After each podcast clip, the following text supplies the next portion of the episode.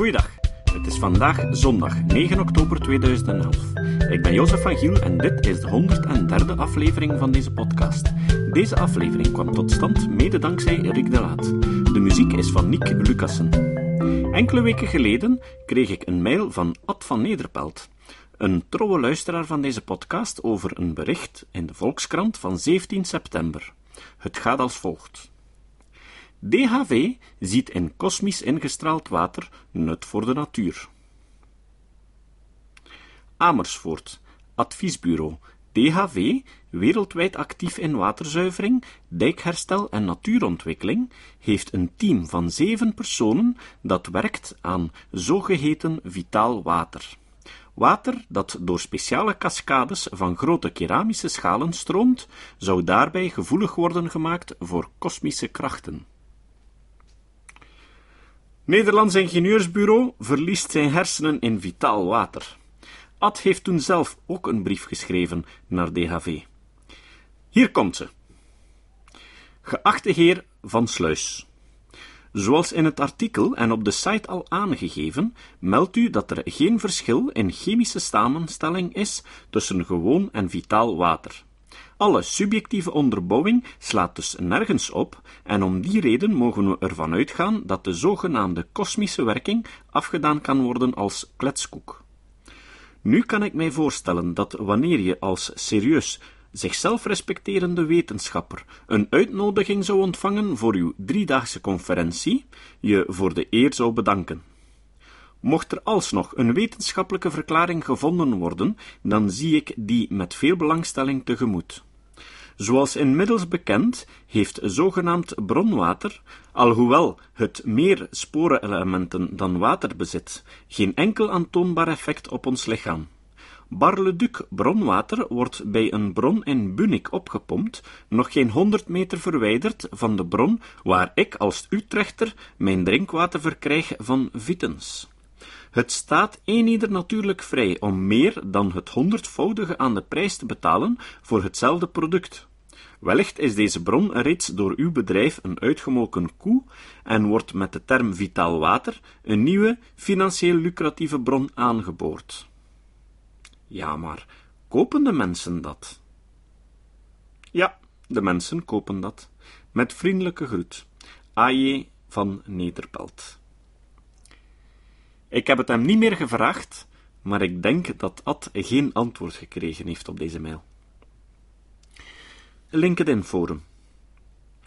Naar aanleiding van Ads mail ben ik wat op zoek gegaan en vond een LinkedIn discussiepagina dat vol stond met lovende commentaren over het initiatief van DHV. Ik vond het nogal verdacht dat er geen enkele kritische noot in staat, dus heb ik er zelf een in gepost.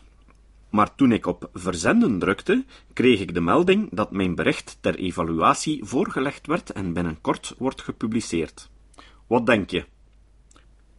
Dus ging ik een tekst schrijven voor deze podcast. Maar dat bleek al niet meer nodig, want een van mijn favoriete sites had dat al gedaan. Hier is een tekst uit de website Klopt dat wel? De auteur is Agnes Stieben. Groot Ingenieursbureau organiseert congres over kosmisch geladen water. DHV, een groot ingenieursbureau in Amersfoort dat zichzelf presenteert als een toonaangevend internationaal advies- en ingenieursbureau dat bekend staat om haar hoogwaardige expertise en leiderschap in innovatie en duurzaamheid, hield afgelopen weekend een conferentie met als thema Vitaal water, meer dan H2O. De media waren niet welkom. Kennisorganisatie STOA vindt het congres niet wetenschappelijk, maar Hans van Sluis en Helle van der Roest van DHV weten zeker dat gevitaliseerd water bestaat en ook grote voordelen heeft. Je merkt het meteen als je het drinkt. Het smaakt beter en het lest je dorst beter. Het kan ook positieve effecten hebben op bijvoorbeeld een slechte spijsvertering of een moeilijke huid. Water heeft een kosmische antenne. Bewijzen zoeken ze bij eigen ervaring en bij de pseudowetenschapper Emoto. Maar Van der Roest stelt ook een test voor. Die handschoen pakken we graag op. In een artikel in het bedrijfsblad van DHV wordt uitgelegd wat vitaalwater is. Drinkwater dat dagenlang onder druk in een leiding heeft gezeten, is niet meer vitaal. Maar je kan het wel weer vitaal maken. Daar liggen vijf principes aan ten grondslag. Het moet vrij en wervelend kunnen stromen. Het moet in contact komen met licht, lucht en de natuurlijke mineralen. Niet belast worden door vervuilende stoffen en stralingsvelden zoals elektriciteit.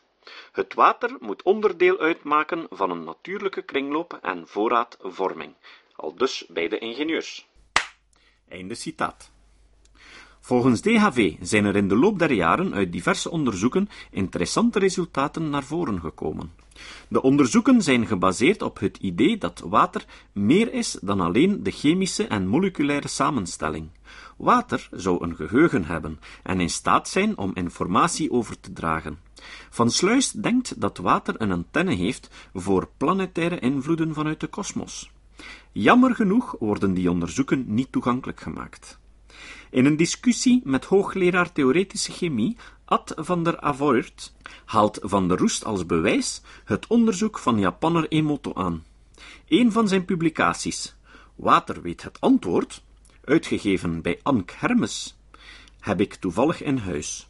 Er staan foto's in van mooi gevormde waterkristallen, die zijn blootgesteld aan mooie woorden als liefde of dankbaarheid, of muziek van Chopin of Tchaikovsky. Er staan ook foto's in van lelijk gevormde kristallen. Die zouden zijn van water dat is blootgesteld aan negatieve invloeden, zoals bijvoorbeeld het woord hel of idioot of van heavy metal music. En ik hou toevallig zoveel van heavy metal music. Rob Nanninga schreef in 2006 al een uitvoerig Scepter-artikel over Emoto. Duidelijk wordt dat Emoto in de wetenschappelijke wereld nooit serieus is genomen. Misschien merkt hij volgens Nanninga daarom aan het begin van een lezing ook wel gekscherend op dat de zaal niet zo vol zou zitten als hij een echte wetenschapper zou zijn. Toch blijft hij een dokterstitel voeren, die voor 360 dollar te koop is. Ben Goldacre, de auteur van de blog Bad Science, die heeft ooit zo'n doctoraatsdiploma gekocht voor zijn kat. Rob Nanninga besluit zijn artikel als volgt. Het is moeilijk te beoordelen of Emoto een gewiekste zakenman, een oliedomme pseudowetenschapper, een gevaarlijke kwakzalver, een religieuze secteleider of een aimabele watermysticus is. Misschien wel alles tegelijk. In een recent interview met Good Times lijkt hij wat bescheidener te zijn geworden. My theory and research is not yet reached science, and I should say it is more like fantasy. Bij de conferentie van DHV kun je je iets dergelijks afvragen. Is dit een gewiekst zakelijke actie, oliedomme pseudowetenschap, of gaat het om goedgelovige watermystici? De twee ingenieurs erkennen dat er geen sluitende wetenschappelijke verklaringen zijn en dat het een moeilijk bespreekbaar onderwerp is in wetenschappelijke kringen. Ze zeggen te hopen dat de conferentie hier verandering in kan brengen. Van der Roest snapt wel dat de academische wereld vaak nog afwijzend staat tegenover dit verschijnsel. Ik geloof ook niets dat ik niet zelf ervaren heb. Ik heb in het verleden veel uitgeprobeerd en ervaar de effecten van vitaal water bijvoorbeeld op mijn eigen gezondheid. Als we op vakantie zijn, ben ik altijd op zoek naar vitaal water in de natuur. Als ik dan een beek zie, weet ik of het goed water is of niet. Als het vitaal water is, vul ik mijn veldfles ermee. Een halve liter water uit zo'n beek is een half jaar langer leven. Maar dat zijn effecten die je zelf moet ervaren. Je kunt mensen niet met woorden of argumenten overtuigen van de waarde van vitaal water. Ik vraag mij nu wel af hoe je zelf een half jaar langer leven kunt ervaren.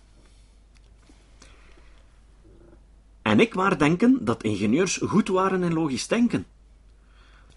Hoewel de pers ruim aandacht heeft besteed aan het DAV-congres, zijn persvertegenwoordigers niet welkom in Amersfoort. Niet meer.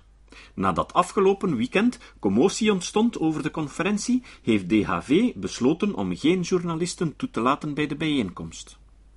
De toonaangevende Nederlandse onderzoeksinstelling STOA ziet geen wetenschappelijke aanknopingspunten. Bas van de Wal, ecoloog bij dit onderzoeksinstituut, vindt de bijeenkomst Geen wetenschappelijk congres. Het zijn gelijkgestemden onder elkaar die informatie uitwisselen. Het is mening tegen mening.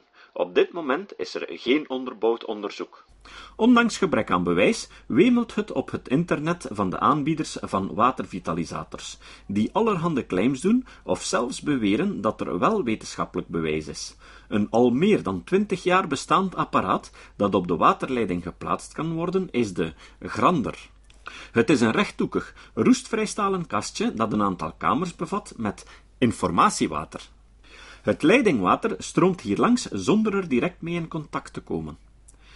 In een van de artikelen die naar aanleiding van het congres verscheen, stelt Van Sluis dat veel gebruikers het verschil opmerken tussen gevitaliseerd water en gewoon kraantjeswater.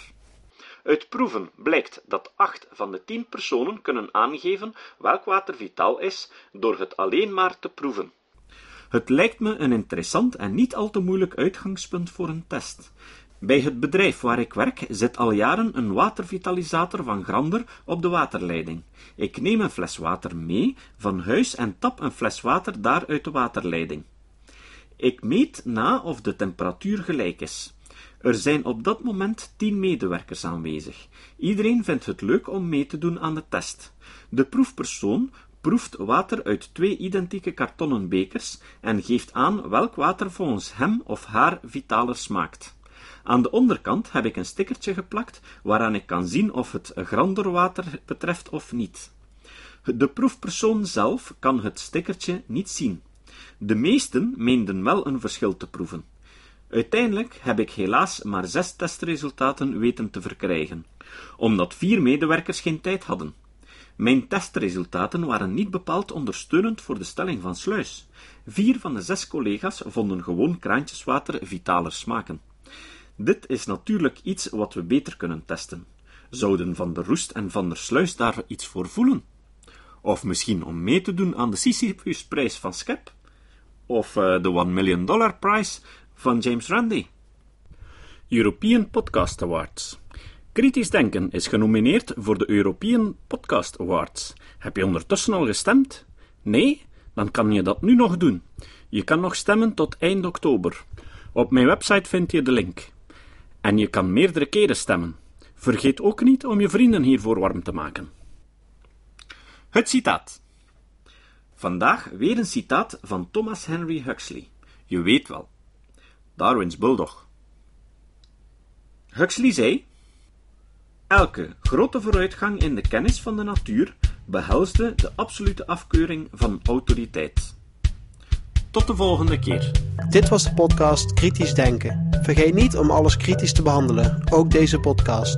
Voor verdere informatie over deze podcast, links en voor de tekst, surf naar www.kritischdenken.info. Als je deze podcast belangrijk vindt, kun je me steunen door anderen warm te maken ook eens te luisteren. Stuur een e-mail naar vrienden met een link naar de website en plaats de link in de handtekening van je e-mails. Tevens kun je op iTunes deze podcast een beoordeling geven of een recensie schrijven. Of je kan op je eigen website of blog een link naar kritisch denken plaatsen.